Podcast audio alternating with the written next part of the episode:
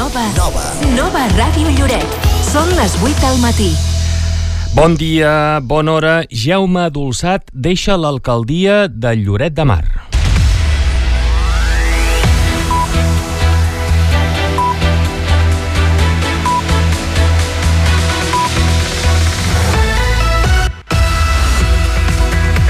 L'alcalde de Lloret, Jaume Dolçat, de Junts per Lloret, ha anunciat que deixa el càrrec després de 8 anys al capdavant del consistori. En un comunicat, Dolçat explica que s'ha presentat un nou projecte professional que li demana incorporació immediata i que no li permet la dedicació que requereix l'alcaldia de Lloret. Conclou que el més coherent és renunciar al càrrec. Jaume Dolçat continuarà a l'equip de govern com a regidor sense sou fins a final de la legislatura, és a dir, fins al proper mes de maig. El pròxim dilluns 6 de març està prevista la celebració d'un ple extraordinari per formalitzar la seva renúncia. L'entrevistarem en directe sobre un quart de nou del matí. Escoltarem què és el que ens explica. Bon dia i bona hora a tothom. Benvinguts a l'espai informatiu que comença en aquest dimecres, primer de març, un dia en què també ampliem altres titulars, altres informacions com les que ara us anunciem. Avui ens fem ressò d'un presumpte assetjament contra unes noies que va sorgir en el ple de dilluns arran d'una pregunta dels comuns. Les explicacions les donarà Jennifer Pérez, regidora d'Igualtat. Aquest dissabte, el lloretenc Malció Montero, cap de sala del celler de Can Roca, oferirà un tas de vins al mercat municipal. L'escoltarem. I recordarem que avui es tanca l'aparcament de Sacaleta per unes obres que, eh, i que, a més a més, es fa una xerrada sobre alimentació en nadons lactants a la biblioteca. També es fa avui. Entrevistarem el regidor de, de uh, Xavi Flores per saber en què consisteix el recordatori interactiu per a la cita prèvia. En aquest cas, el regidor de l'OIAC. S'ha posat en marxa recentment aquest servei i volem saber-ne detalls. I també anunciarem que el Club de Futbol Lloret organitza aquest diumenge el Triangular Solidari de Veterans amb la participació del Giro de Girona i el Palamós, d'aquests dos equips. Es tracta d'un una jornada benèfica en què els guanys es destinaran a l'entitat Pas a Pas, dedicada a ajudar persones amb autisme. Acabarem parlant de la plec dels perdons, que se celebra aquest diumenge en plena normalitat i esperant ja el relleu de les obreres. Com sempre, repassarem els titulars de les informacions més destacades de caire general a les portades dels diaris i sabrem quina és eh, la previsió del temps a continuació. Durem pas, doncs, a aquesta edició del primer dia del mes de març a la sintonia de Nova Ràdio Lloret, l'informatiu matinal Bon dia, bona hora, que fa possible Moisès Garcia, Eduard Lanzas, Rosa Giral i qui us parla, Josep Altafulla. Bon dia, bona hora. De dilluns a divendres, de 8 a 9 del matí.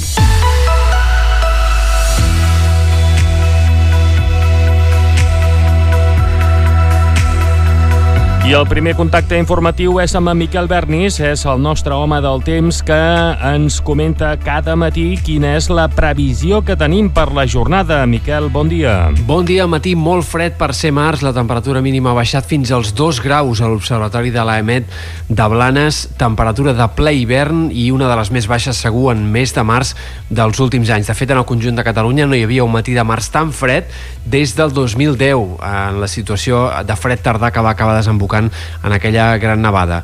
Avui esperem que la temperatura al migdia torni a quedar bastant frenada, màximes eh, clarament per sota dels 15 graus al migdia i, de fet, de cara als dies vinents, a poc a poc el termòmetre anirà remuntant, però ho farà de forma lenta i progressiva. Encara aquests pròxims dies seguirem parlant d'un ambient de ple hivern amb temperatures mínimes per sota o al voltant dels 5 graus a primera hora i màximes que seguiran sense superar els 15 graus, com a mínim fins diumenge. A partir d'aquest moment, probablement la temperatura pugi d'una forma una mica més clara, però encara és incert si l'inici de la setmana que ve estarà marcat per una pujada més clara del termòmetre o si més aviat recularà una mica la temperatura i tornarem a un escenari bastant hivernal. Per tant, de moment, caldrà abrigar-se aquests primers dies de març. Pel que fa a l'estat del cel, avui dia mig ennubulat, variable encara, núvols esqueixats, però que s'aniran fent protagonistes en alguns moments, sobretot a última hora de la jornada, que és quan el cel quedarà més tapat, i, de fet, de nit podria arribar a escapar-se alguna gota o fins i tot alguna volva de neu al massís de Cadiretes. En tot cas, precipitacions que, si arriben a caure, serien testimonials. Demà començarem el dia amb molts núvols, amb el pas de les hores a poc a poc s'obriran algunes clarianes i el cap de setmana ha de ser més assolellat, tot i que dissabte és possible que encara hi hagi alguns intervals de núvols, especialment a la tarda. Gràcies, Miquel, per aquesta informació. La complementem amb la temperatura que registra en aquests moments Lloret de Mar, 2 graus centígrads. Avui es nota el fred perquè amb la humitat relativa a l'aire del 70%, la sensació tèrmica és de mig grau positiu.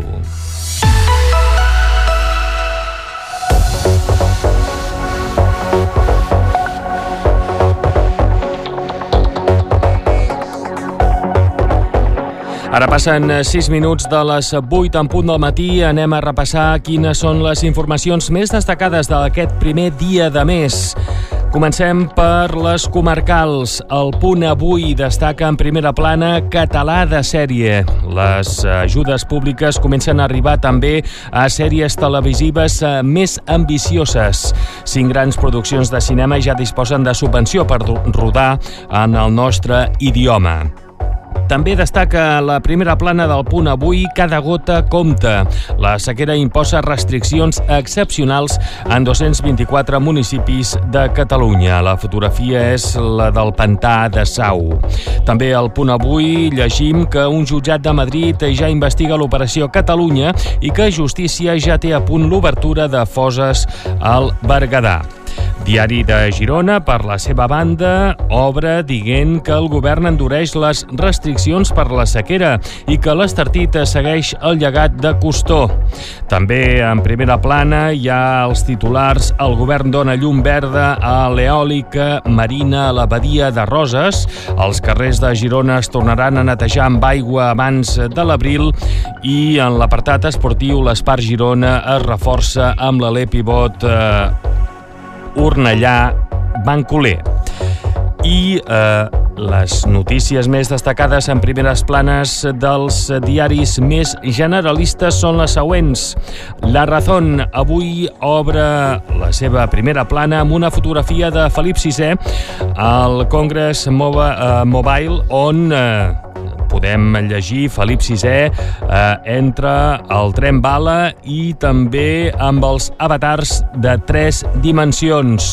Fotografia del rei amb una d'aquelles eh, ulleres que serveixen per veure amb tres dimensions. Això perquè fa, pel que fa a la raó, el país destaca Londres i Brussel·les tanquen el conflicte sobre Irlanda del Nord i els missatges d'interior revelen les maniobres contra Podemos i els independentistes. A La Vanguardia, en primera plana, el titular que més destaca és un jutge investiga per primera vegada l'operació Catalunya i aliança històrica de Telecos per oferir aplicacions que facin competència a Apple i a Google. Finalment, eh, també ens fem ressò del periòdico de Catalunya que avui destaca que la pandèmia deixa a Barcelona només 1.138 terrasses més i que el pacte Unió Europea-Telecos anima al mobile, una altra de les informacions força destacades en el dia d'avui. Això pel que fa a la premsa escrita. Pel que fa a la digital, ens fixem en el portal 324, on llegim que 224 municipis en fase d'excepcionalitat per la greu sequera. Les restriccions impliquen la reducció d'aigua per a usos agrícoles i industrials, l'ús de la mínima imprescindible per a les zones verdes i la limitació a 230 litres per habitant i dia. També és notícia que l'Euribor es dispara a nivells del 2008. L'índex amb què es calculen les hipoteques ha tancat al febrer al 3,5, un fet que pot suposar encariments de quota d'entre 300 i 500 euros al mes de mitjana. El govern admet que ha fallat en el cas dels bessons de Sallent, un fracàs del sistema. Patricia Plaja ha demanat disculpes en nom del govern i diu que s'arribarà fins al final per saber què ha passat. L'intent de suïcidi d'un noi amb autisme a la ràpida evidencia la xacra del bullying. Els experts en salut mental demanen treballar més perquè s'accepti la diversitat als centres educatius. També és notícia que diversos eurodiputats marxen del debat sobre la immersió lingüística al Parlament Europeu. Partit Popular i Ciutadans han convidat Vox al Parlament i això ha motivat que diputats de les famílies polítiques d'Esquerra, Junts, els Verds i Socialistes abandonessin l'acte en contra del que consideren una manipulació del comitè investiguen l'enverinament de centenars de nenes a l'escola de l'Iran. Hi ha menors afectades pel suposat gas tòxic a una trentena d'escoles i creix la indignació popular per la passivitat de les autoritats. Com també hem llegit en els diaris, el Parc Eòlic Marí de Roses més a prop. Llum verda al pla que regula on es podran posar els molins. El Consell de Ministres aprova el Pla d'Ordenació de l'Espai Marítim que fixa on es podran construir parcs eòlics marins a Espanya. Relacionen l'eritritol, un edulcorant d'ús comú, amb l'augment de risc d'infart i ictus. En concret, s'ha descobert que el consum continuat i abundant de d'aquest edulcorant pot augmentar el risc de, pa, de patir infarts de miocard i ictus cerebrals. Notícia també avui que la Guàrdia Urbana de l'Hospitalet llença per error un radar de 18.000 euros a les escombraries. Des de mitjans de desembre de l'any passat, els agents no poden fer controls de velocitat perquè l'únic aparell que tenien es va extraviar en un trasllat. Condemnen un caçador a dos anys de presó i a pagar 114.000 euros per matar un linx. La sentència també condemna un any i mig de presó un treballador del condemnat que va amagar el cos de l'animal. Troben una mòmia de fa més de 600 anys a la motxilla d'un repartidor de menjar al Perú. El repartidor assegura que la mòmia estava a casa dels pares i la va treure per ensenyar-la a un grup d'amics. No és una notícia que sigui una broma, sinó que és eh, fer a fent. I en esports, Alexia reconeix converses per jugar al Mundial del proper estiu. Les jugadores rebels i representants federatius apropen postures. Són les notícies més destacades d'aquest dimecres 1 de març.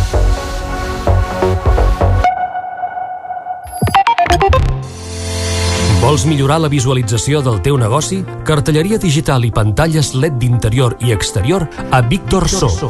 Instal·lació, manteniment i lloguer. Dirigit a comerços i negocis locals. Potencia el teu negoci i millora la teva marca amb les pantalles LED de Víctor So. Ens trobaràs a l'Avinguda Vila de Tossa 5052 de Lloret de Mar. Telèfon 972 36 41 14. Centre Mèdic Loreto. Obtenció i renovació de permisos de conduir, llicències d'armes, seguretat privada, animals perillosos, obtenció de targeta de residència, tot tipus d'esports i la tramitació gratuïta del permís de conduir. Tenim el servei de medicina general, pediatria, psicologia i fisioteràpia. Treballem amb les principals mútues. Centre Mèdic Loreto. Carrer Verge de Loreto 53, al costat de la Policia Nacional. Telèfon 972 36 96 12. Perquè tot el que fem surt del cor, la connexió més forta que pots tenir. I no només parlem de fibra òptica, telefonia mòbil i tots els nostres serveis. Et parlem dels sentiments de pertànyer a un lloc que estimes. Fitel Network. Orgullosos de connectar amb tu. Orgull de Lloret. Fitel, la fibra òptica i telefonia mòbil. Les connexions de veritat. Les del cor. El Mercat Municipal de Lloret t'ofereix productes frescos i de proximitat amb aparcament gratuït. Peix, carn, fruita, verdures fresques i queviures... Vine, tria, compra o fes el teu encàrrec. Trobaràs un tracte directe i de confiança. Els paradistes es posen a la teva disposició per aconsellar-te en els productes de la compra. Ara més que mai, vine al teu mercat. Vine al Mercat Municipal de Lloret. T'esperem al carrer Sènia del Rebic, al costat de l'escola Esteve Carles. L'Ajuntament de Lloret de Mar informa. S'ha convocat un procés de selecció d'urgència per crear una borsa de treball de vigilants de platja adscrits a Protecció Civil. Per prendre part a la convocatòria cal estar en possessió del títol de graduat ESO, graduat escolar, tècnic auxiliar o titulació equivalent. Les instàncies es poden presentar durant els dies del dilluns 27 de febrer al dimecres 8 de març, amb dos inclosos, preferentment de forma electrònica per la seu electrònica de l'Ajuntament, a catàleg de tràmits, recursos humans, processos selectius de personal o a l'Oficina d'Informació i Atenció Ciutadana per cita prèvia. Davant la impossibilitat d'algunes persones aspirants a presentar les instàncies i la seva documentació de forma electrònica per falta de mitjans, cal posar-se en contacte amb la secció d'Organització i Recursos Humans enviant un correu electrònic a l'adreça recursoshumans.lloret.cat i es facilitarà dia i hora amb l'Oficina d'Informació i Atenció Ciutadana exclusivament per realitzar de forma presencial aquest tràmit. La secció de comerç de l'Ajuntament de Lloret de Mar organitza el cicle Gastronomia i Mercat, una iniciativa oberta a tothom per posar en valor els joves restauradors lloretencs, la gastronomia local i el mercat municipal. Propera sessió dissabte 4 de març a dos quarts de 12 del migdia a l'espai polivalent del Mercat Municipal amb el tas de vins lloretencs a càrrec de Melchor Montero, cap de sala del celler de Can Roca. Per participar al tas cal inscripció prèvia a lloret.cat barra gastromercat amb un aforament limitat a 30 persones. Per assistir com a oient no cal inscripció. Més informació a www.lloret.cat barra comerç. Botiguers, hotelers, restauradors... Tots, d'alguna forma, es guanyen la vida. I ara ens ho expliquen a la ràdio. Hem fet l'agost. Hem fet l'agost, el programa en què conversem amb els empresaris de la vila. Escolta'ns cada dimecres a les 9 del matí a Nova Ràdio Lloret. Aquest dimecres parlem amb Gemma Villanueva.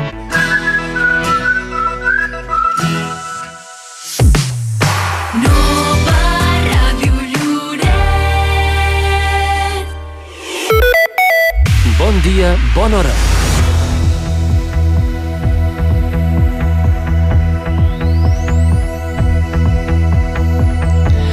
Ara passen dos minuts d'un quart de nou del matí. Ens hi posem pel que fa a la informació totalment de caire local i per això donem pas a la nostra companya Rosa Giral. Bon dia. Bon dia, Josep. Bon dia a tothom. L'alcalde de Lloret de Mar, Jaume Dolçat, de Junts per Lloret, ha anunciat que deixa el càrrec després de 8 anys al capdavant del consistori. En un comunicat, Dolçat explica que s'ha presentat un nou projecte professional que li demana incorporació immediata i que no li permet la dedicació que requereix l'alcaldia de Lloret. Conclou que el més coherent és renunciar al càrrec. Jaume Dolçat continuarà l'equip de govern com a regidor sense sou fins a finals de la legislatura, és a dir, fins al proper mes de maig. Parlem amb Jaume Dolçat, alcalde de Lloret de Mar, aquí tenim el telèfon. Molt bon dia, Jaume. Molt bon dia, Rosa. Ah, pregunta obligada, per què deixes l'alcaldia? Bé, ho heu dit uh, molt, molt bé perquè ho és molt clar el comunicat, doncs perquè, doncs perquè tinc una feina, tinc un projecte laboral doncs, que em demana uh, que m'incorpori. De fet, aquest projecte laboral, mitjançant un procés de selecció, doncs el tinc des de fa ja uns quants mesos, diria que no pocs, i he anat intentant endarrerir la meva incorporació fins que doncs, al final vam acabar arribant a un acord amb, amb l'empresa que em donarà feina que havia de ser doncs, eh, que havia de ser doncs, eh, ja i per tant doncs, eh, vaig efectuar la meva renúncia tot i que el que més m'hagués agradat doncs, és acabar la meva legislatura, però en qualsevol cas doncs, eh, les coses són així, és difícil, és difícil, Rosa, poder eh, encaixar eh, els calendaris quan, quan algú es dedica doncs, a treballar per compte d'una altra persona. Per tant, eh, és més fàcil si un és funcionari en què pot activar la seva plaça, o és, si té una empresa es pot reincorporar quan, quan vol, però el cas d'algú que es dedica a temes de direcció, com és el meu cas, doncs no és tan fàcil trobar aquesta feina i que t'encaixi perfectament en el moment en què tu vols sortir de la, de la política municipal, com era el meu cas. I per tant, doncs, per aquests dos mesos i escaig, per aquest temps, ho he pogut encaixar. Ah, quina és aquesta nova feina, Jaume? Bueno, és una feina... Com que forma part del meu àmbit privat i mai acostumo a explicar què passa al meu àmbit privat, doncs no, no, no ho diré, però, no, però el que puc dir tranquil·lament és que és una feina que, que no és a Lloret de Mar i que, per tant, eh, està fora de la, del municipi, que era una cosa que em venia de gust, no? doncs, sortir una mica, agafar una mica d'aire no? amb totes aquelles coses que passen al municipi, i, i tampoc és molt lluny, no és excessivament lluny d'aquí, que també pel meu àmbit personal doncs no, no em venia de gust haver de fer molts de quilòmetres diàriament. Per tant, eh, hauré d'estar als voltants de Girona, és una empresa molt seriosa, una empresa gran, i podré desenvolupar doncs, projectes molt interessants a dins d'aquesta empresa. I fins aquí explicaré perquè, perquè, com dic, és la meva vida privada i, i amb el temps també he après que, que la meva vida privada és només meva i que l'esfera pública s'ho menja tot i que, per tant, eh, tot, tot col·locat al seu lloc és millor. Ah, Jaume, entenem que prendre tota aquesta decisió, el que explicaves, no? Mm, consensuar tots aquests timings no, no ha estat fàcil. No, no ho és. A més, um, el que he tingut la sort i l'honor de desenvolupar aquests anys, no, que és fer d'alcalde de la meva ciutat, doncs, uh, perquè no ho sóc, jo ho faig. Perquè el que ho és, uh, és, és la persona que es considera que és alcalde ho, ho té intrínseca a la seva persona i és una cosa que desenvolupo durant un temps perquè, perquè no és meva, és de la, és de la vida però fes aquesta correcció una mica filosòfica, eh, quan algú doncs, eh, eh, fa la feina que jo he fet en els darrers anys, va molt més enllà d'una feina eh, a una oficina o en un local o en, una, o un lloc de treball, sinó que són 24 hores al dia, que té molta, molta, molta, molta dedicació, també té molt de patiment, però també té molta satisfacció. I, per tant, és una, és una esfera, en aquest cas laboral, que es menja gairebé tots els altres papers de l'auca que té una persona, no? eh, perquè per sort hi ha moltes més coses a fer a la vida que, que fer d'alcalde, però en qualsevol cas és una cosa tan intensa que, que s'ho menja una mica tot. I per tant, eh, quan, quan, un és, quan un és alcalde, doncs li queden poques porcions a la resta de coses que ha de fer a la vida. I, i per tant és difícil també sortir, sortir d'això, és difícil eh, bueno, doncs, eh, preparar-se mentalment doncs, que un deixa de, de fer d'alcalde per fer d'altres coses sortosament per tots, eh? per mi i per, també per la resta del, del municipi, de la gent, per tant, perquè, perquè les coses mai han de ser per sempre, i jo tenia molt clar que era una cosa que feia de pas, i quan dic de pas era durant uns anys de la meva vida, també sempre vaig pensar que, que m'agradaria fer-ho. Si tenia l'oportunitat i la confiança dels meus covilatans, doncs fer-ho durant vuit anys, així ha estat, eh, la pandèmia també em va fer dubtar, perquè després d'aquests dos anys de pandèmia i totes les oportunitats que hem sigut capaços de generar en un futur, doncs també em va fer dubtar de dir, home, i si fem una mica més i desenvolupem doncs, tots aquests Next Generation, totes aquestes oportunitats que hem sigut capaços de captar, i, molta altra gent no ha fet, però finalment, doncs, eh, escolta, crec que, que com dic, que vuit anys són, són justos, eh, són suficients, són, són molt, bueno, i, i per tant, doncs eh, me'n vaig amb el, amb el cap ben alt, ben content, ben agraït, ben, ben orgullós i ben tranquil també de la feina que puc fer. Uh, Jaume, uh, pel que tenim entès en el comunicat que vam rebre ahir, el proper, uh, en el, es convocarà un ple vaja el proper dilluns en què es formalitzarà aquesta renúncia, és així? Correcte, és així. El dilluns que ve jo faré la, el, diguem des d'un punt de vista ja més formal, doncs, uh, per molt que un entri en instància o un alcalde en instància o fa un comunicat, ha de fer una renúncia davant del ple, a diferència d'un regidor que només li ha de fer la, la renúncia a l'alcalde. En qualsevol uh -huh. cas, formalment és així.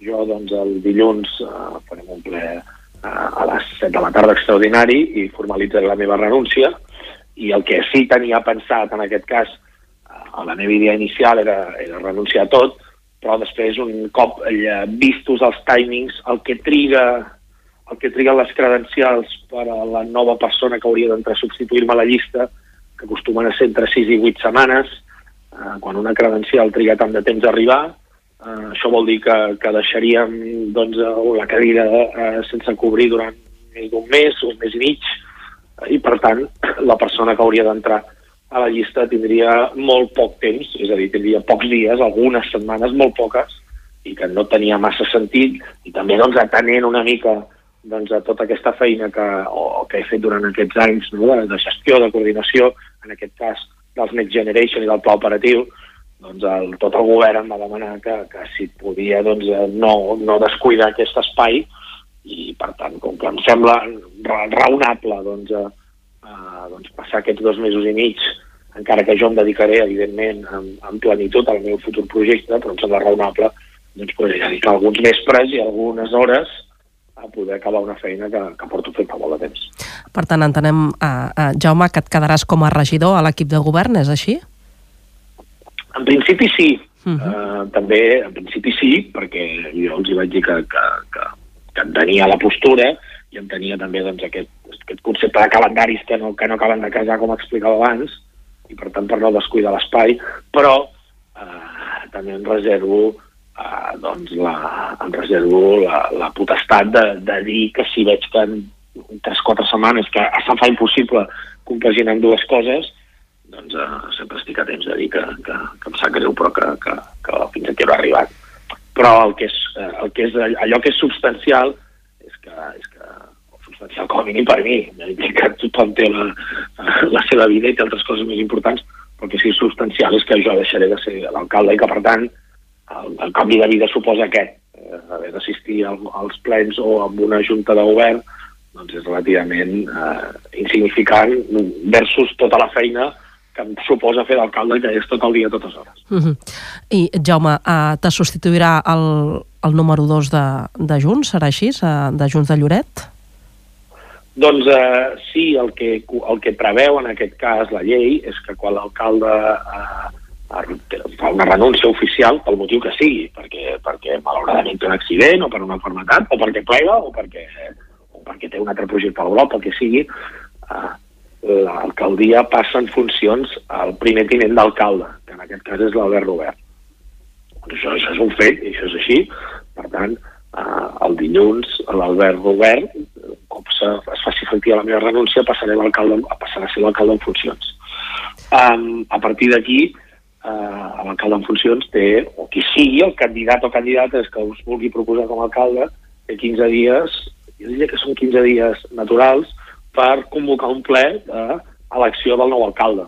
I per tant, doncs, eh, el que sí està previst és que l'Albert Robert doncs, convoqui aquest ple doncs, per poder rebre la confiança de la resta de, de companys del govern i, i, i acabi les funcions d'alcalde durant aquestes eh, setmanes, que no són masses, que queden fins a, fins, a, fins als propers comicis, que són a finals de maig. Uh -huh.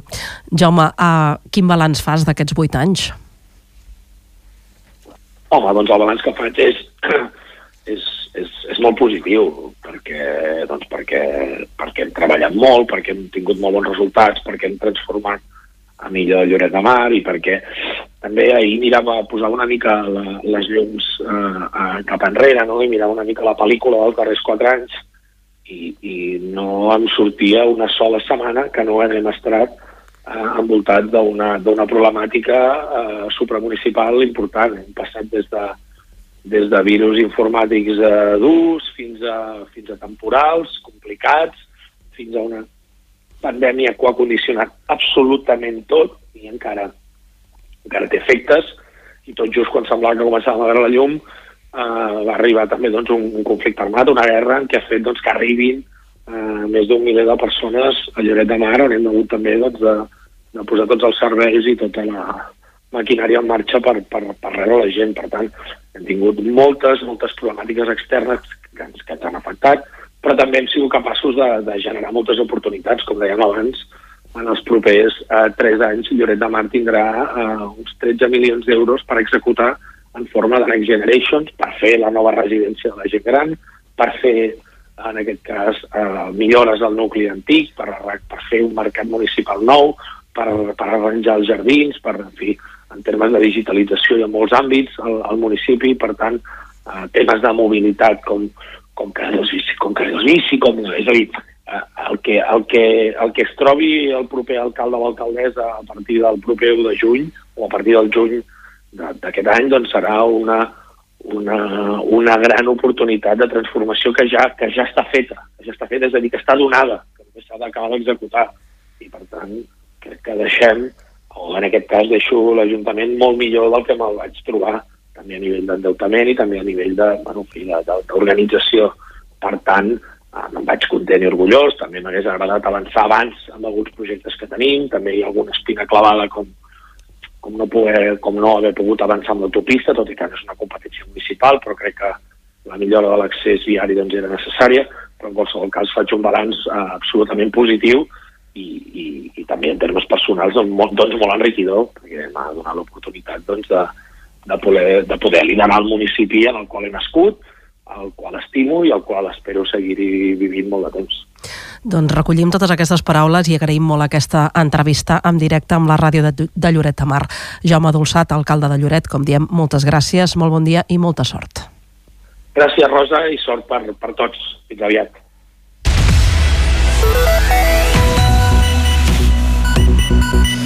Bon dia, bona hora. De dilluns a divendres, de 8 a 9 del matí.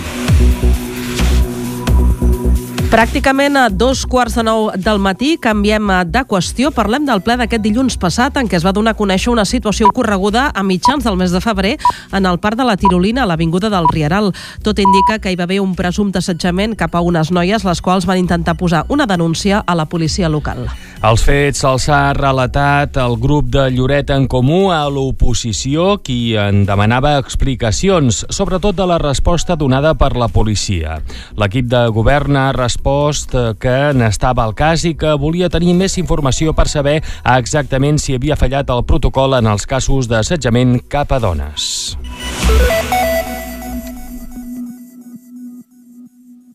Parlem amb la regidora d'Igualtat de l'Ajuntament de Lloret, que és Jennifer Pérez. Aquí tenim els estudis. Molt bon dia, Jennifer. Bon dia.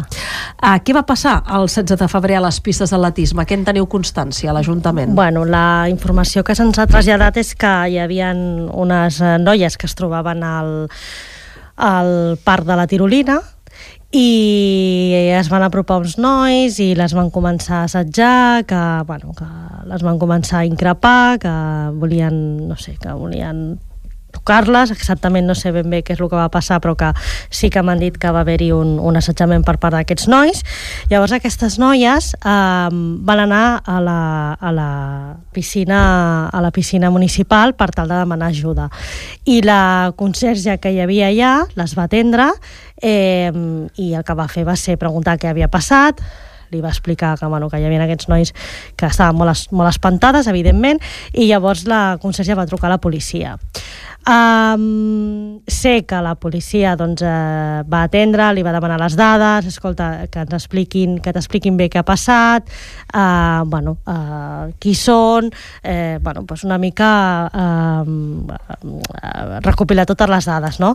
I aquestes sembla ser doncs, que aquestes noies, el que li van, li van comentar a la, a la conserge és que el que volien era marxar cap a casa i que no volien que tingués, sembla ser, el que jo sé, que tingués més transcendència en el sentit que volia marxar cap a casa, llavors la conserge el que va fer va ser acompanyar-les a l'estació de bus eh, per tal de, de que poguessin agafar el bus corresponent i poder marxar a casa seva. Per tant, no, no eren, no eren d'aquí, de Lloret? Entenc que no. Val. Però és la informació que sí. tinc, no tinc més. El que, la informació que teniu és aquesta, per tant no hi ha cap denúncia, no s'ha posat, no, no s'ha formalitzat cap no. denúncia. No, no, no, no. no.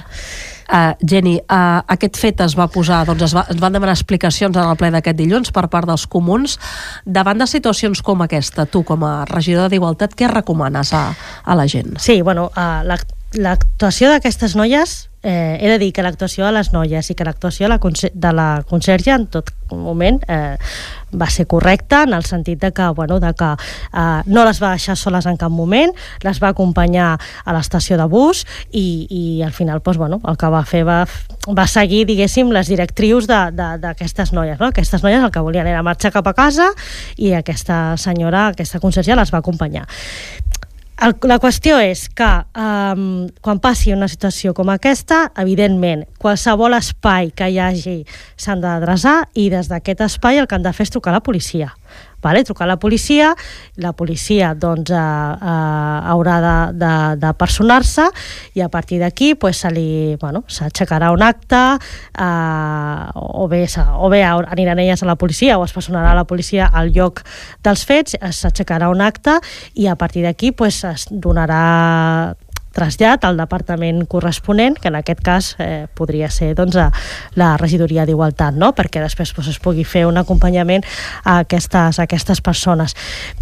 Clar, eh, què passa? Ens, passen aquestes coses, en aquest cas doncs, eh, va passar al carrer i, i aquestes noies es van anar a refugiar i, i, bueno, i, i se les va acollir i es va intentar doncs, que no, no continués eh, provocant-se no, aquest assetjament bueno, eh, entenem que a vegades costa no? doncs, eh, activar els diferents protocols, els diferents mecanismes que, que tenim, i, i, però des del meu punt de vista i la meva recomanació és que el que s'ha de fer és trucar a la policia. És a dir, mm, no vulguis enfrontar-te tu sola, si no agafes, te'n vas a qualsevol lloc, a qualsevol bar, restaurant, si hi ha una dependència municipal, millor, i en aquesta dependència municipal demanes ajuda i, i aquestes persones es posen en contacte directament amb la policia. Uh, Jenny, una persona que en aquest cas víctima d'assetjament o de, qual, de qualsevol tema de violència, quines eines té al seu abast? A quins telèfons, per exemple, pot trucar? Bueno, a veure, ja el que vàrem comentar, la línia, el 112, i al, al 016 on poden adreçar-se i en el cas de que, de que hi hagi una persona que estigui bueno, també eh, hi ha una línia de WhatsApp específica per a les persones que estiguin patint violència masclista eh, poden trucar a aquesta línia de, aquesta línia de WhatsApp i a partir d'aquí doncs, eh, mm, hi ha uns Mossos especialistes en violència masclista i el que fan és atendre-les i donar-li les, les eh, eh, respectives eh, directrius euros. Um, he de dir que avui he anat al, a la, al Departament d'Igualtat i Feminisme de la Generalitat um, bueno, i ens han estat donant diferents... Um, diferents novetats, entre elles que um, hi ha una línia que, que s'utilitza, eh, que és la línia 900 120 120, i ens han explicat que el que estan fent és que eh, aquesta línia no es limiti només a una primera eh, actuació en cas de que, de que algú truqui o alguna víctima de violència masclista truqui, sinó que el que fan directament ja és, a part d'aquesta primera contenció i aquesta primera actuació, és derivar-les en el CIE corresponent per iniciar tot el tractament eh, corresponent eh, com a persona que, que és víctima de violència masclista. Ah, quan dius que es deriva el CIE corresponent, vol dir que ja es deriva directament en el servei del municipi, no? Correcte. El servei que, que, sí. no? que tenen aquests Correcte. casos. Sí, correcte. En el cas d'aquí, el CIE de Lloret, oi? Correcte. Aquí, eh, bueno, eh, hi ha el, eh, tot, bueno, les, diferents, eh, les diferents poblacions, hi ha els CIATs, no?, que són els, el Servei d'Informació i Atenció a les Dones, però també hi ha els CIE, vale? que són, diguéssim, els centres especialitzats en cas de casos de violència masclista. Llavors, eh, han d'acabar de, de perfilar-lo, però la idea és aquesta. Eh? La idea és que evitar una revictimització de la persona en el sentit de que hagi d'estar anant d'un lloc a l'altre peregrinant no? i demanant ajuda, sinó el que fan és des d'aquest aquest organisme, eh, o sigui, des d'aquesta línia telefònica, el que fan és activar els recursos perquè aquesta senyora vagi directament on ha d'anar per rebre l'atenció jurídica i l'atenció psicològica necessària.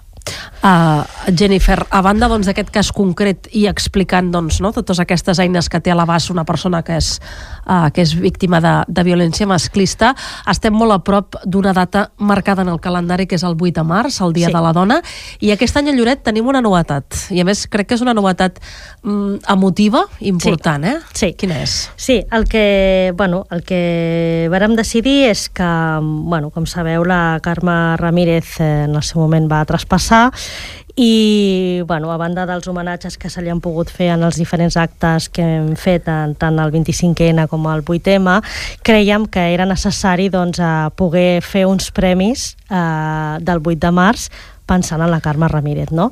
Són aquests, eh, aquest dimecres 8 de març, la setmana que ve, presentarem els premis 8 de març Carme Ramírez i aquests premis eh, seran uns premis que reconeixeran la tasca que es pugui fer per part dels alumnes de quart d'ESO i de primer batxillerat a tots els centres educatius de Lloret de Mar eh, sobre la, la igualtat de gènere o um, sobre uh, um, uh, combatir, diguéssim, les desigualtats de gènere, no?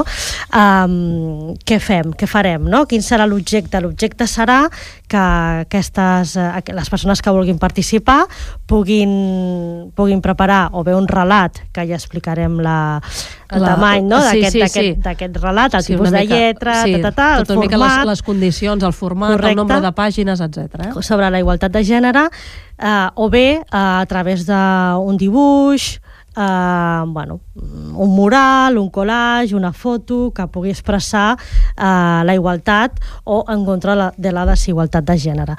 Eh, hi haurà tres premis per cada categoria, Uh, estem acabant de perfilar els premis, però volem que siguin premis que, que puguin ser eh, atractius perquè el jovent vulgui participar i segurament eh, la convocatòria per presentar els treballs es farà doncs, a, cap al 25N segurament. Eh? Val. Ara tot just Val. estem acabant de redactar les bases.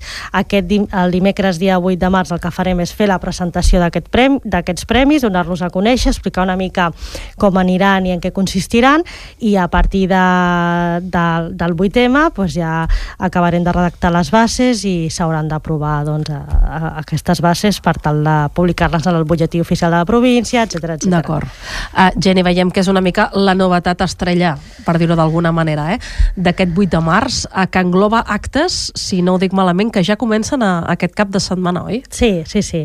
Aquest, bueno, aquest divendres uh, hi ha el Casal de la Gent Gran, uh, penjarà un, un tapís a motiu del, del 8M i després tenim actes al llarg de tota, de tota la setmana, eh? així que recordi el dia 7 eh, tenim un acte marcat dins dels actes de la capital de la cultura catalana eh, i eh, ve la, bueno, una humorista lloretenca, la Eva, la Eva Cabezas, Cabezas, que ens farà doncs, un monòleg sobre, sobre les talles bueno, sobre les, les talles, bueno, tots els estereotips de, de, de, del cos, no? bueno, una mica eh, perquè puguem riure una estona i, bueno, i aprofito eh, jo ja vaig agafar entrades en el seu moment, aprofito que la gent s'animi perquè la veritat és que eh, si no m'equivoco són 5 euros l'entrada, si no m'equivoco, a través de la plana web del teatre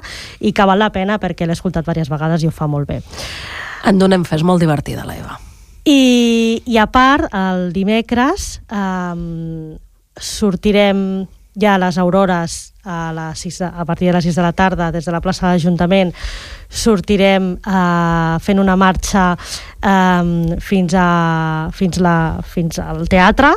I a partir de les 7 de la tarda començarem els actes de, institucionals que bueno, aquest any ho hem volgut emmarcar en el talent femení, eh, tant el talent més infantil com el talent jove i, i el que farem és eh, actuacions de dansa de, de, les escoles de Lloret um, i després també volem que actuïn les uh, cantants que tenim aquí, el, la cantants lloretenques, no? uh, com som la Trama i la Laura Givert, i en definitiva doncs, mostrar el talent que tenim aquí, el talent en femení i una mica reivindicar no, en contra de, de, de les barreres que ens trobem les dones eh, en el món laboral, en el món artístic, etc etc.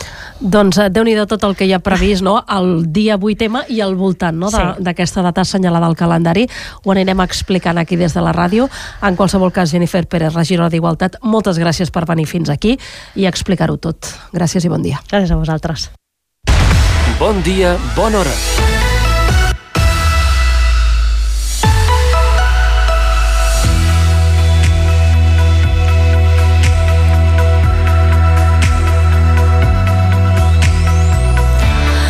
Les 8 i 43 minuts del matí, el que fem ara és recuperar la crònica del temps amb el nostre company, en Miquel Bernis. Bon dia. Bon dia, matí molt fred per ser març. La temperatura mínima ha baixat fins als 2 graus a l'Observatori de l'AEMET de Blanes. Temperatura de ple hivern i una de les més baixes segur en mes de març dels últims anys. De fet, en el conjunt de Catalunya no hi havia un matí de març tan fred des del 2010, en la situació de fred tardà que va acabar desembocant en aquella gran nevada.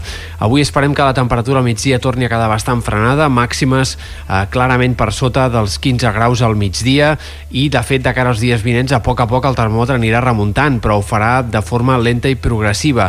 Encara aquests pròxims dies seguirem parlant d'un ambient de ple hivern amb temperatures mínimes per sota o al voltant dels 5 graus a primera hora i màximes que seguiran sense superar els 15 graus, com a mínim fins diumenge. A partir d'aquest moment probablement la temperatura pugi d'una forma una mica més clara, però encara és incert si l'inici de la setmana setmana que ve estarà marcat per una pujada més clara del termòmetre o si més aviat recularà una mica la temperatura i tornarem a un escenari bastant hivernal. Per tant, de moment caldrà abrigar-se aquests primers dies de març. Pel que fa a l'estat del cel, avui dia mig ennubulat, variable encara, núvols esqueixats però que s'aniran fent protagonistes en alguns moments, sobretot a última hora de la jornada, que és quan el cel quedarà més tapat i, de fet, de nit podria arribar a escapar-se alguna gota o fins i tot alguna volva de neu al massís de Cadiretes. En tot cas, precipitacions que si arriben a caure serien testimonials. Demà començarem el dia amb molts núvols, amb el pas de les hores a poc a poc s'obriran algunes clarianes i el cap de setmana ha de ser més assolellat, tot i que dissabte és possible que encara hi hagi alguns intervals de núvols, especialment a la tarda. Gràcies, Miquel Bernés, per aquesta informació. El que fem ara és donar les dades que tenim a Lloret de Mar. Ara mateix tenim una temperatura de 2 graus, tot i que la sensació tèrmica és més baixa, és de només eh, mig grau positiu, i la humitat se situa en el 72%.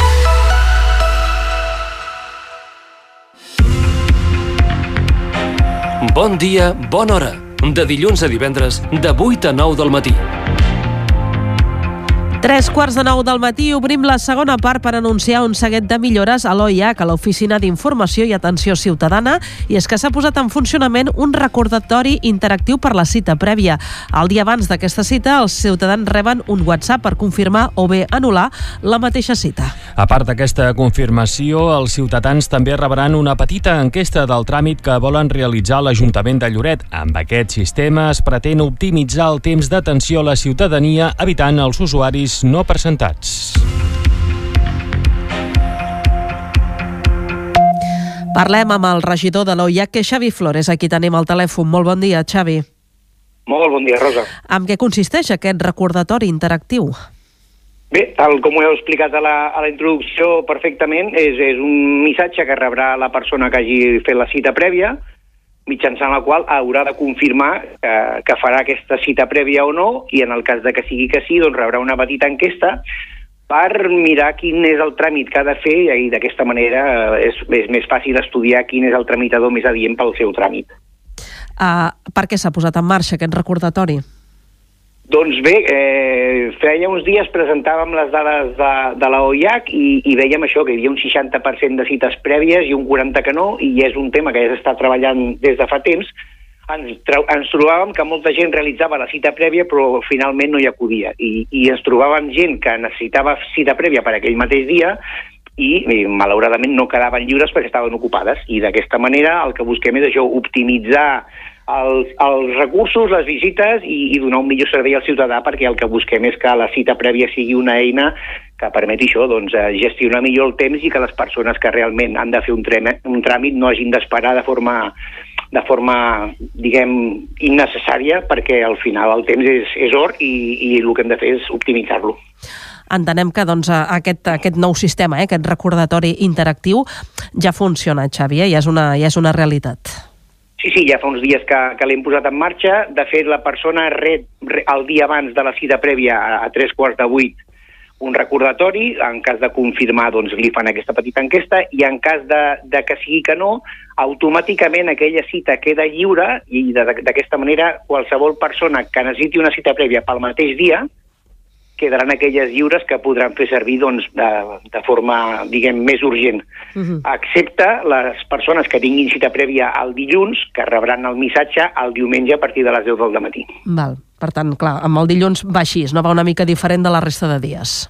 Sí, perquè entenem mm. que a tres quarts de vuit del matí, un, un dia festiu, entre cometes, doncs no, no és la millor hora per enviar-lo. Sí, sí. Però en qualsevol cas, la idea és aquesta, és poder aprofitar una mica més el, el temps, eh? i que no quedin hores lliures que ningú aprofita.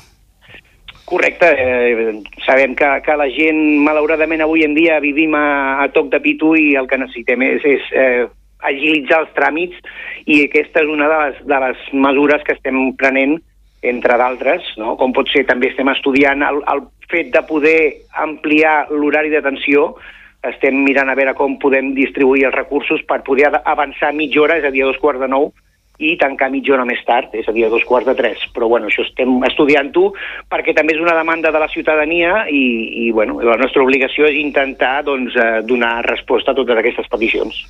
I, i Xavi, com, com diem, no? I ens agrada, i ens agrada explicar-ho aquí a la ràdio, la idea, com tu dius, és uh, poder atendre el millor possible la, la gent, no? la ciutadania, que l'OIAC és la, la, la primera atenció que reben a l'Ajuntament, no? és el primer lloc on van a parar. Totalment, Rosa, ja sempre ho diem, la OIA, que és la porta d'entrada del ciutadà a, a l'administració pública, en aquest cas l'Ajuntament, i, i tot i que la majoria de tràmits, excepte dos, que és l'empadronament i l'obtenció de l'IDCAT, són 100% presencials, tot i que la resta es puguin fer de forma telemàtica, és cert que el ciutadà té el dret de relacionar-se amb l'administració pública de la manera que cregui convenient. I mm, encara avui en dia l'atenció la, presencial doncs, és, és majoritària i per això nosaltres estem obligats sempre a no conformar-nos amb, amb les xifres que, que cada any creixen, sinó que intentar optimitzar aquests recursos i, i donar un millor servei al ciutadà. Doncs en recollim tota aquesta informació que, com diem, creiem que és important que doncs, els ciutadans la coneixin a, través d'aquesta entrevista. Xavi Flores, regidor de l'OIAC, moltes gràcies per atendre'ns i molt bon dia. Gràcies a vosaltres, bon dia.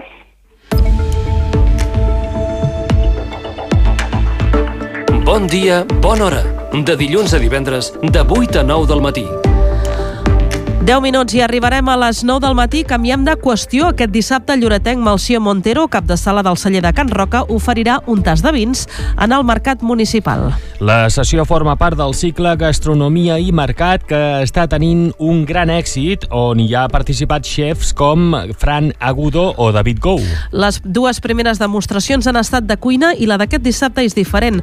Malció Montero donarà a conèixer els vins de la primera bodega de Lloret, que és el domini Sant Pere. La sessió d'aquest dissabte a les 11 consistirà doncs, en poder tastar, tastar quatre vins de la primera bodega que tenim aquí a Lloret, el domini de Sant Pere, amb la idea doncs, de, de donar a conèixer el projecte i donar valor uh, a una feina que s'està fent molt bé de, per part d'en Dani Jiménez com anòleg i d'en Nico Cabanyos, que estan al capdavant doncs, d'aquest doncs, d'aquest projecte.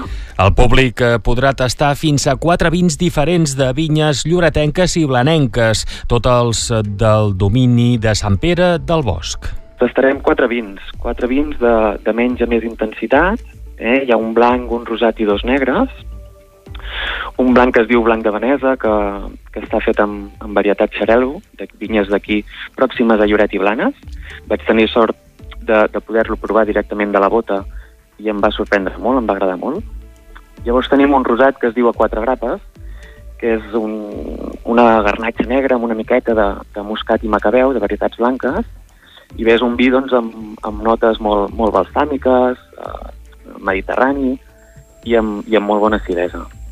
I per últim, dos negres. Un negre que es diu el drac roig de Sant Pere, és un vi amb molta fruita, un vi que és molt i molt fàcil de, de veure i que podria estar a qualsevol carta de, de qualsevol restaurant aquí a Lloret mateix, i després un altre negre amb una mica més d'intensitat, un, un vi de, de gamma més alta, i que ha passat un any i una miqueta més amb, amb bota.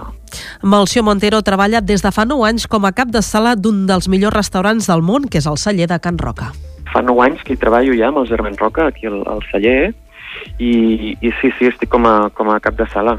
Bé, la, la meva funció bàsicament doncs, és, és acompanyar i, i cuidar eh, a un client que, que ve al restaurant amb ganes de viure, de viure una experiència, que ve amb unes expectatives doncs, on nosaltres hem d'estar a l'altura. No? A part, eh, i que per mi és el més important, doncs, seria també cuidar cuidar l'equip, no? l'equip que està amb nosaltres, som 20 cambrers a, a la sala, doncs que aquest equip se senti cuidat, motivat, per, per al final transmetre la, felicitat i el benestar que volem que, que transmeti a, a cada un dels clients durant aquestes 4 o 5 hores que dura, que dura el menú. Eh? La sessió amb Malció Montero és aquest dissabte a dos quarts de 12 del migdia al Mercat Municipal de Lloret. Per participar en el TAS cal inscripció prèvia a la pàgina web lloret.cat barra gastromercat. L'aforament es limita a 30 persones i per assistir com a oient no cal inscripció. Bon dia, bona hora. De dilluns a divendres, de 8 a 9 del matí. Les 8 i 53 minuts del matí, l'aparcament de Sacaleta es tanca aquest dimecres, per tant, avui mateix, a motiu de les obres de renovació de l'enllumenat del passeig marítim. Els treballs es preveu que s'allarguin entre dues i tres setmanes. La regidora d'Accidental de Mobilitat, Lara Torres, es compromet a tenir obert l'equipament de cara a Setmana Santa. Que quan acabin aquestes obres pintarem tot l'aparcament una altra vegada i, per tant, um, ens diuen que durant dues, tres setmanes màxim um, el mantindrem tancat el que sí que volem agafar el compromís de que per Setmana Santa l'aparcament estarà obert. L'1 de març, per tant, avui era la data en què l'aparcament de Sacaleta passava a funcionar amb normalitat, una posada en marxa que s'endarrereix unes setmanes per les obres de la primera línia de mar. Segons fons municipals, aquest aparcament ha funcionat com a zona verda al llarg d'aquest hivern per primera vegada. Un cop reobri l'equipament de Sacaleta, ho farà com a aparcament controlat de rotació en barrera. I seguim amb més qüestions. En aquest cas, mirem el cap de setmana perquè el tradicional aplec dels perdons de Santa Cristina se celebra en plena normalitat aquest diumenge a Lloret. No hi faltarà de res, ni la caminada ni tampoc la rossada popular del Xino Xano. Tampoc no hi faltarà el relleu de les obreres. Les del 2023 seran Alba Portabella, Laia Codina, Carlota Crespo i Núria Perea, que en prendran possessió. L'obra L'obrer major de Santa Cristina, Arseni Frigola, assenyala que és un càrrec que els fa molta il·lusió i que enguany han rebut 38 sol·licituds. La Festa dels Perdons és una de les dues festes importants per l'obreria, juntament amb la Diada de Santa Cristina, el 24 de juliol, i eh, en el plec dels Perdons és quan eh, les noves obreres prenen possessió del càrrec d'obrera. Aquest any les quatre noves obreres són l'Alba Portavella, la Laia Codina, la Carlota Crespo i la Núria Perea Domènech. Aquest any hem rebut més de 38 sol·licituds eh, de noies de Lloret que volen, es posen a disposició de l'obreria per durant tot l'any estar eh, acompanyant l'obreria, siguent part de l'obreria i eh, per ells és una, una il·lusió eh, sentint-ho molt els càrrecs són només quatre i hi ha gent que hi ha noies que tot i haver estat escrivint la carta de molt de temps pues, eh, això es fa amb una reunió de junta, es fan les votacions corresponents i surten escollides les quatre obreres. I degut a la forta demanda que hi ha pel, pel càrrec d'obrera eh, lamentablement hi ha noies que, que, que al final no, no, no surten i, i, i és, és, és com és la pleca es complementa amb el concert previ de dissabte, així com la rossada del Xino Xano, que preveu preparar 500 racions. Bé, com cada any, eh, a la vigília hi haurà el concert de Can Coral de la parròquia d'Otfort de Nou. Aquest any serà el cor de cambra sota Palau de Blanes, que ens oferirà un concert a partir, com us deia, de, de d'Otfort de Nou i una entrada gratuïta. I l'endemà, eh, a partir de les 12 es fa eh, l'ofici Santa Cristina. El Xino Xano organitza una anada a peu fins a Santa Cristina i acabada de, de, un cop acabat l'ofici es fan sardanes i a continuació la rossada popular en col·laboració amb el, amb el Xinoxano. Aquí, com des de l'obreria els agraïm aquesta col·laboració. Aquest any es fa 37 anys que venen col·laborant amb l'obreria en aquesta festa important pels llibretencs i per tant els volem agrair aquest fet i a la tarda un cop acabat el dinar a les 4 tornen a haver-hi sardanes per concloure a la jornada començarà a primera hora del matí amb la caminada que organitza el Xinoxano des de la plaça de la Vila. La sortida serà a les 9 del matí i es passarà pel nou camí de Ronda. Durant el recorregut es farà una parada per esmorzar a Saïlla d'Esbot i una visita als jardins de Santa Clotilde.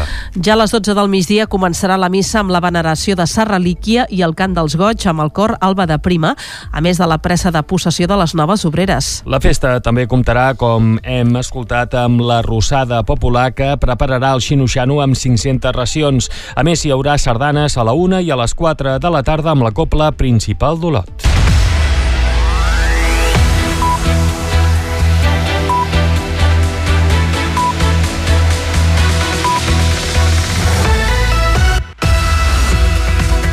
Dos minuts i arribem a les 9 del matí. Estem a la recta final del Bon Dia Bona Hora d'aquest dimecres d'aquest primer de març, en què també volem recordar que l'Ajuntament i el Cap de Lloret organitzen avui mateix a la biblioteca una jornada sobre alimentació per a lactants.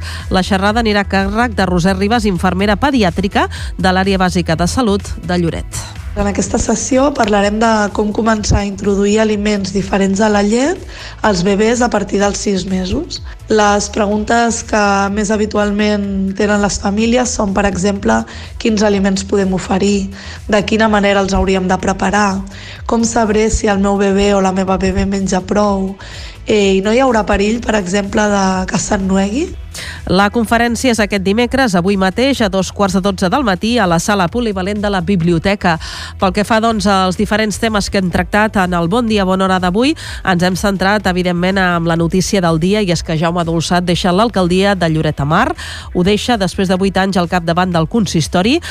Dolçat ha explicat en una entrevista a la ràdio que té un nou projecte professional que li demana incorporació immediata i que això no li permet la dedicació que requereix l'alcaldia de Lloret i amb tot conclou conclou que el més coherent és renunciar al càrrec. Ho farà el proper dilluns 6 eh, de març amb un ple extraordinari en què doncs, l'alcaldia passarà a mans del primer tinent d'alcalde, que és l'Albert Robert, que doncs, serà doncs, en aquest temps eh, serà durant, durant aquest temps l'alcalde accidental o alcalde en funcions. També hem parlat de diferents altres qüestions que anirem ampliant en els butlletins horaris, també a la pàgina web de la ràdio o bé a través de les xarxes socials de l'emissora. Com sempre, moltes gràcies per ser-hi un dia més. Bon dia, bona hora. De dilluns a divendres, de 8 a 9 del matí.